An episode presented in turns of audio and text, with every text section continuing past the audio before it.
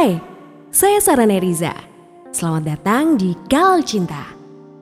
Setiap cinta pasti punya kisahnya masing-masing.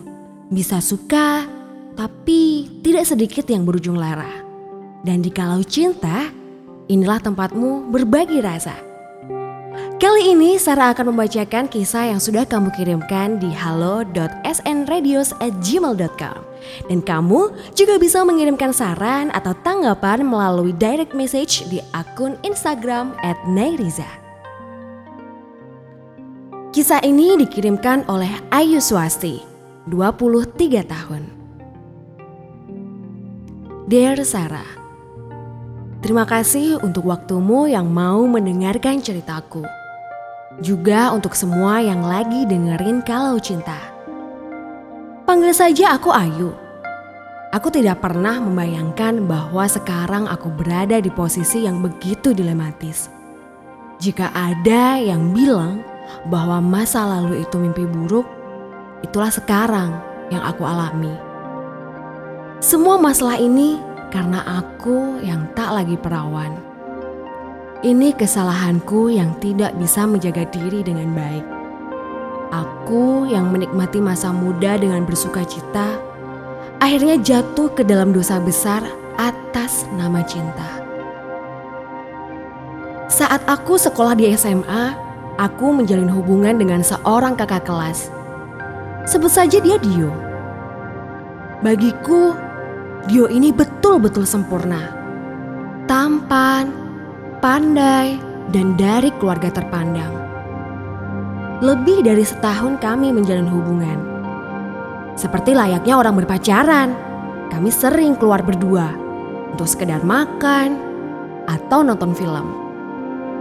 Orang tuaku tidak pernah melarang, sehingga aku punya banyak waktu bebas untuk berdua dengan Dio, bahkan hingga larut malam.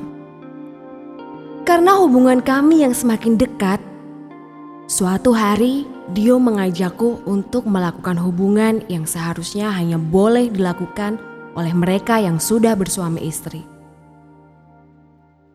Entah mengapa aku tidak menolak. Saat itulah aku kehilangan keperawananku. Sampai detik ini aku bahkan tidak tahu apakah aku adalah perempuan pertama juga untuk Dio. Karena setelah apa yang terjadi saat itu, Dio tiba-tiba menjauh. Dia seperti berusaha untuk memutuskan hubungan denganku. Terlebih saat itu, Dio telah lulus dari SMA dan akan melanjutkan kuliah keluar kota. Saat itulah aku merasa begitu kalut.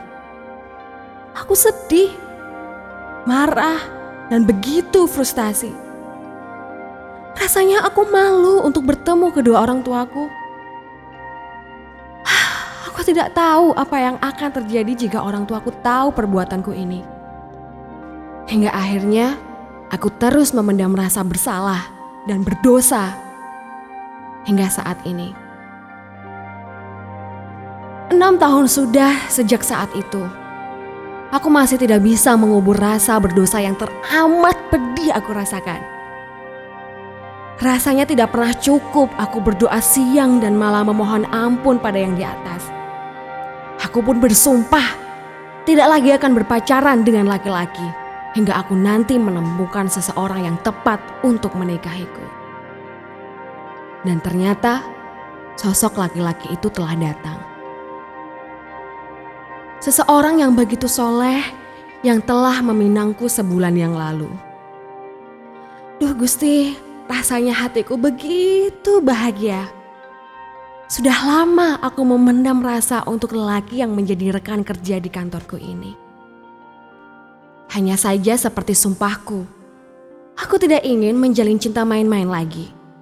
Aku ingin serius untuk menuju pernikahan. Laki-laki ini bernama Anto. Usianya tiga tahun di atasku. Ketika ku minta Anto menemui keluargaku, ternyata dia langsung bersedia. Oke, aku akan berjumpa dengan orang tuamu segera. Itu yang dia katakan. Di situlah aku merasa bahwa Anto adalah laki-laki baik yang aku idamkan. Tapi kini masalah timbul. Di tengah aku dan Anto mulai mempersiapkan pernikahan kami, aku dihinggapi rasa takut yang teramat luar biasa.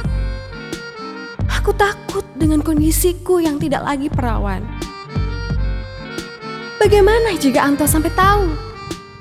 Bagaimana jika Anto tahu dan dia tidak dapat menerima keadaanku ini? Apakah aku harus jujur pada Anto? Apakah bagi Anto keperawanan calon istrinya adalah hal yang mutlak? Bukankah pernikahan harus dilandasi dengan kejujuran? Tapi siapkah aku jika kejujuran ini justru menghancurkan hubunganku dengan Anto? ya Tuhan, aku betul-betul merasakan pedih yang tidak terkira. Apa yang harus aku lakukan sekarang? Sementara waktu pernikahanku berjalan semakin dekat.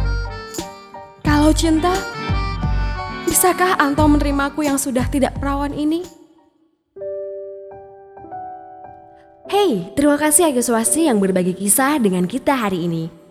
Buat kamu yang ingin memberikan saran atau tanggapan, kamu bisa kirimkan melalui GM di akun Instagram @neriza atau bisa juga melalui email di halo.snradios atau kamu bisa buka website di www.snradios.com. Saya Sarah Neriza, sampai ketemu di Kalau Cinta selanjutnya.